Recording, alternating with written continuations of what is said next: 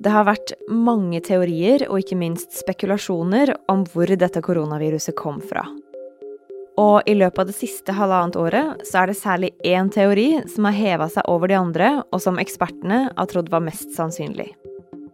Men for litt siden så sa en av de fremste ekspertene noe som vekka til live en mulighet som de aller fleste hadde avskrevet som en konspirasjonsteori.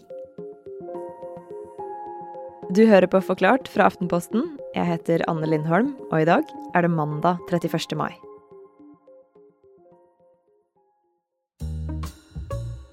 Husker du Anthony Fauci? Han er smittevernekspert og direktør for USAs nasjonale institutt for allergi og sykdom. Og hvis du har sett den, så er det nok på Trumps gamle pressekonferanser om koronaviruset. But the information that you're referring to specifically is anecdotal. It was not done in a controlled clinical trial, so really can't make any definitive statement about it. Anthony Fauci var den stødige, litt stabile, litt kjedelige mannen i dress som snakket korrekt forskerspråk, mens uh, Trump han var kanskje kjent for å være litt mer um, skal vi si, spontan og rablete mens han snakket om, om dette viruset. And I agree with the doctor what he said. May work, may not work. Uh, I feel good about it. That's all it is, just a feeling. I, you know, I'm a smart guy. Så for mange amerikanere, og kanskje også for mange utenfor USA, så har Fauci vært en av de mer pålitelige når det kommer til informasjon om denne pandemien. Kristoffer Rønneberg, journalist i Aftenposten. For ikke så lenge siden så sa Fauci noe i et klipp som har blitt vist hos mange medier siden. Hva var det han sa? Jo, han, han, var med på en konferanse om koronaviruset da han ble spurt om han trodde at dette viruset hadde utviklet seg naturlig. Og folk skvatt litt da han svarte, fordi han sa at han var 'not convinced', altså ikke overbevist. There's a lot of cloudiness around the origins of COVID 19 still. Um, so I wanted to ask Are you still confident that it developed naturally? Oh, I'm not convinced uh, about that. I think that we should continue to investigate what went on in China until we find out to the best of our ability exactly what happened. Med andre ord så sier han at det kan være andre årsaker bak denne pandemien. Men hvorfor var det så spesielt? Man har jo ikke vært sikker på hvor viruset kom fra. Nei, men dette er noe Fauci aldri har sagt før. Han har alltid vært veldig forsiktig. Og med denne uttalelsen, selv om den jo også er ganske forsiktig, så åpner han en dør. Og den døren den leder inn i en hel verden av ulike teorier. Fauci sa også at det er nødvendig å etterforske hva som skjedde i Kina da viruset først brøt ut. For da det som ble kalt Wuhan-viruset og det nye koronaviruset kom, så var det mange spekulasjoner om hvor sjuk man blei, om hvordan sykdommen utvikla seg, og ikke minst åssen viruset oppsto. Og som det ofte er, så bevegde den gjennomarbeida, verifiserte forskninga seg mye saktere mellom folk og på sosiale medier enn det mistankene, ryktene og konspirasjonsteoriene gjorde. Men ut av den støyen så har Verdens helseorganisasjon, WHO, særlig fokusert på teorien om at viruset utvikla seg naturlig, fra en flaggermus, kanskje via et mellomledd, og til mennesker in uh, bats, but that there could have been, and most likely was, a third animal that the virus dumped into before passing on to humans.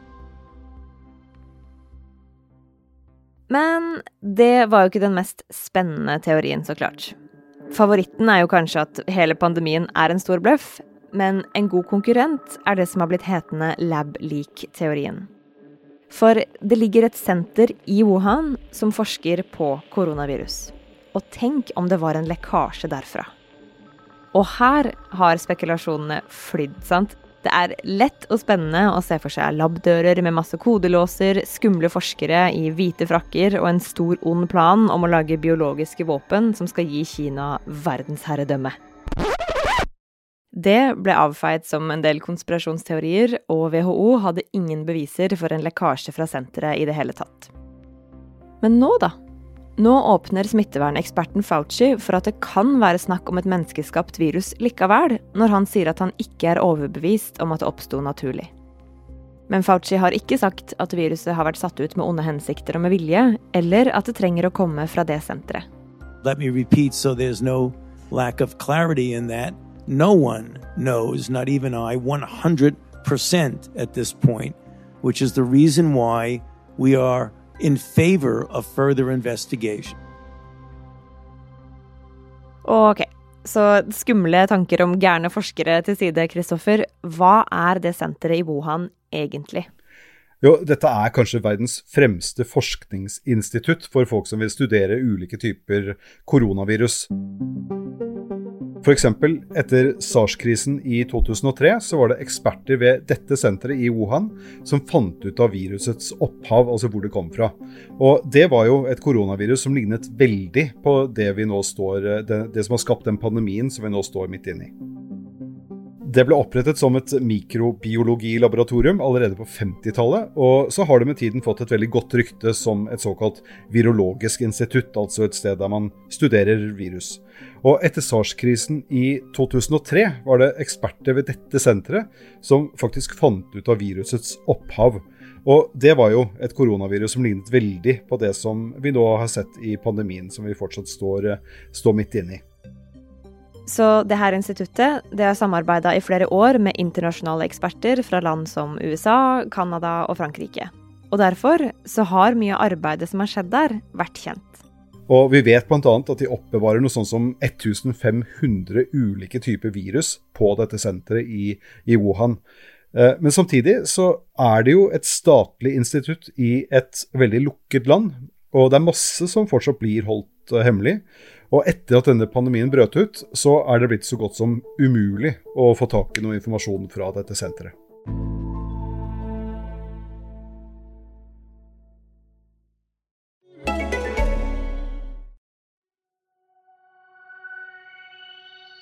Jeg heter Marlund Viktorsen, og ti år etter 22. juli skal jeg ta deg med inn i en internettkultur som hyller Anders Behring Breivik, og som radikaliserte Philip Manshaus. Altså, skal passe hva du vil der. Det er grovt, ass. Ah, nå får jeg skikkelig ekkel følelse i magen. Det skjedde liksom bare noen meter unna oss, da. Var ikke sky for å skru på capslocken, liksom. Oi, nå mister jeg Philip.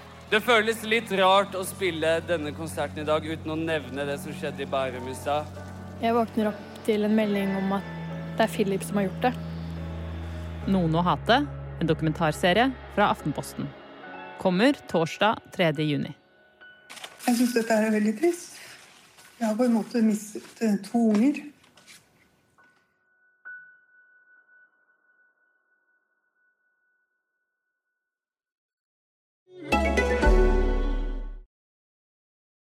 Det her er ikke første gangen forskerne jakter på opphavet til et nytt influensalignende virus.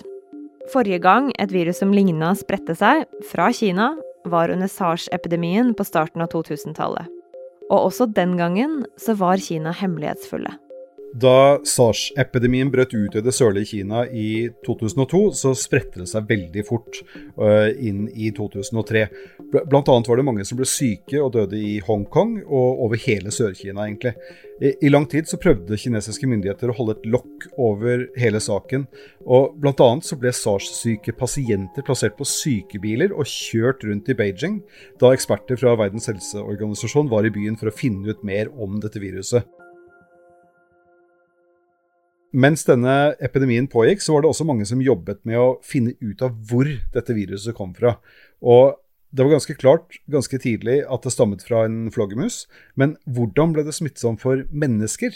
Eh, det tok ikke så lang tid før de fant svaret, og svaret det var en såkalt snikekatt. Snikekatt, en familie med små pattedyr som ligner på katter. Så de har søte øyne, spisse ører og lang hale, men de er ville og de er regna som en delikatesse i Sør-Kina. Det var mellomleddet mellom flaggermus og menneskesmitte den gangen. Og nå, med koronapandemien, så er også det den heiteste teorien at det er et mellomledd. Men denne gangen så har ikke forskerne funnet det. Og noe av grunnen det har vært at det har vært vanskelig å få tak i all informasjon. Kinesiske myndigheter har gjort det veldig klart hele tiden at de ikke ønsker en internasjonal gransking av hvordan dette viruset oppsto. Eh, da Australia foreslo en sånn gransking f.eks., så ble kinesiske myndigheter så rasende at de innførte massevis av importrestriksjoner på australske varer, f.eks. kjøtt og, og vin. Og selv om Verdens helseorganisasjon til slutt bestemte seg for å etterforske denne saken, så fant de ut i Wuhan at de slett ikke fikk tilgang på all den informasjonen som de ønsket. Så til og med WHO-sjefen sier informasjonen de får fra Kina, er for svak. Og nå er ikke smitteverneksperten Fauci heller den eneste som sakte åpner døra for at viruset kanskje ikke utvikla seg naturlig likevel. Det er etter hvert ganske mange. Det er bare noen dager siden president Joe Biden gikk ut og sa at han vil trappe opp arbeidet med å finne ut av hva som har skjedd. Og han sier nå at det er like sannsynlig med en lekkasje fra laboratoriet som at viruset har spredt seg naturlig fra dyr til mennesker. Og tidligere i mai så skrev 18 forskere et innlegg i fagbladet Science, der de også sier at man må vurdere alle muligheter. Og Ideen om at virusets opphav kan ligge et annet sted enn på ferskvaremarkedet i Wuhan, det er blitt langt mer skal vi si, mainstream de siste ukene. Eksempel så skal Facebook ikke lenger fjerne innlegg om at viruset kan være lagd av mennesker, mens undersøkelsene som Biden har bedt om, pågår. Mens i kinesiske medier så kan man lese at Fauci har mistet moral som resten av eliten i USA, og at han har blitt med i meningskrigen mot Kina. China, which is preparing for an inquiry from the World Health Organization, has claimed that just because the first COVID-19 cases were reported from Wuhan, does not mean that it originated from the Chinese city itself. Men fortsatt så er jo spørsmålet hvorfor åpnes det mer for denne teorien akkurat nå? Det kan skyldes eh, flere ting, og en av dem er ikke at det har kommet så mye mer informasjon, for det har det nemlig ikke. Men det kan være andre grunner. Eh, det ene er at vi fortsatt mangler et mellomledd. Eh, I 2003 så var det jo en snikekatt, men denne gangen så er det ingen som har funnet the missing link, og jo lengre tid som går, jo flere spørsmål stiller man. En annen grunn som uh, har vært nevnt uh, i, i, diskusjonene siste uken, har vært at uh, akkurat nå så pågår det et møte i Verdens helseforbund, som er det styrende organet i WHO. Og USA prøver i dette møtet å legge press på Kina for å få til en ny granskning. Og da er det enkelte som har ment at det passer godt inn i strategien til USA at folk nå i større grad diskuterer dette hemmeligholdet som kinesiske myndigheter har vist, og at man snakker litt mer åpent om teorien om at det kan ha kommet fra dette laboratoriet i, i Wuhan. Men det her høres jo veldig ut som det Trump gjorde i fjor, da, da han kalte det for the China virus. Jo da, Trump var veldig veldig tydelig på at han mente at Kina hadde all skyld for, eh, for at koronaviruset spredte seg. Men samtidig, altså Trump var jo Trump, og han brukte veldig ofte kraftige ord og uttrykk. Og det gjorde nok at det var mange som avfeide akkurat dette argumentet, fordi det var så åpenbart at han så på det som et ledd i den større maktkampen med, med Kina. Når vi ser på Biden-administrasjonen, så har nok de på mange måter lagt seg på den samme politiske linjen overfor Kina som hva Trump gjorde, men de gjør det på en helt annen måte. Ordene er mer gjennomtenkte, og Biden er mye mer opptatt enn hva Trump var når det gjelder det å få med seg likesinnede land, f.eks. Norge. Og Dermed så tror jeg nok at Biden får mer gehør internasjonalt enn hva forgjengeren gjorde. Det betyr jo ikke likevel da at det ikke er en del av den store politiske maktkampen.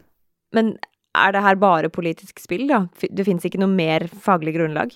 Jo, her forskes det jo masse, og det kommer ut rapporter uh, stadig vekk om, om, dette viruset og hvor, uh, hvor, det kommer fra. Det viktigste hittil det er nok det som ble lagt fram av WHO i slutten av mars, som var basert på hva en ekspertgruppe hadde gjort seg av, uh, av betraktninger og observasjoner, og, og, hva de hadde funnet ut bl.a. mens de var i Wuhan.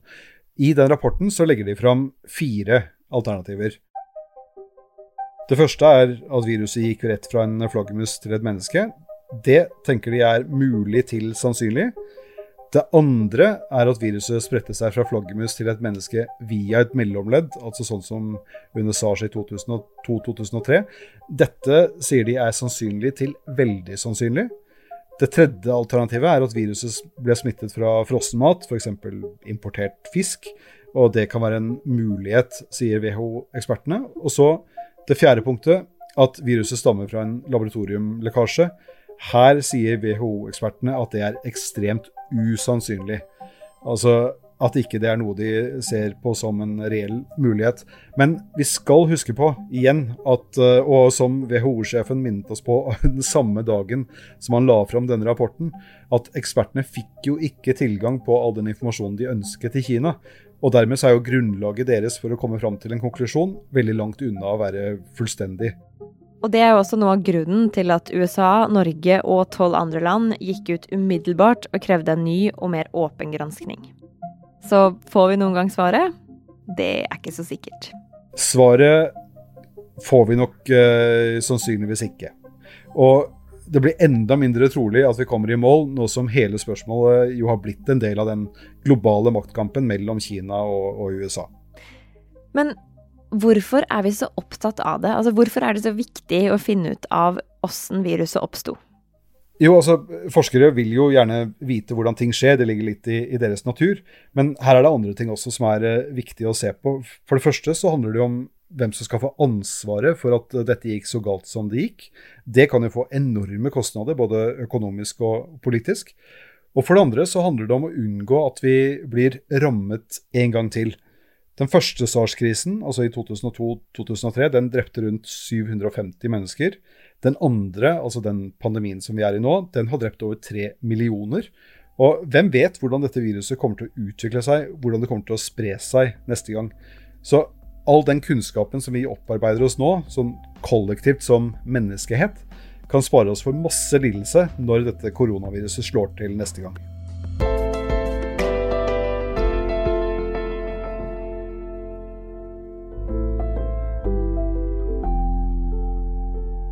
Denne episoden er lagd av David Vekoni, Marit Eriksdatter Gjelland og meg, Anne Lindholm. Resten av Forklart er Guri Leil Skedsmo, Fride Næss Nonstad og Ina Swann. Du hørte lyd fra CNN, CNBC og nyhetsbyrået AP.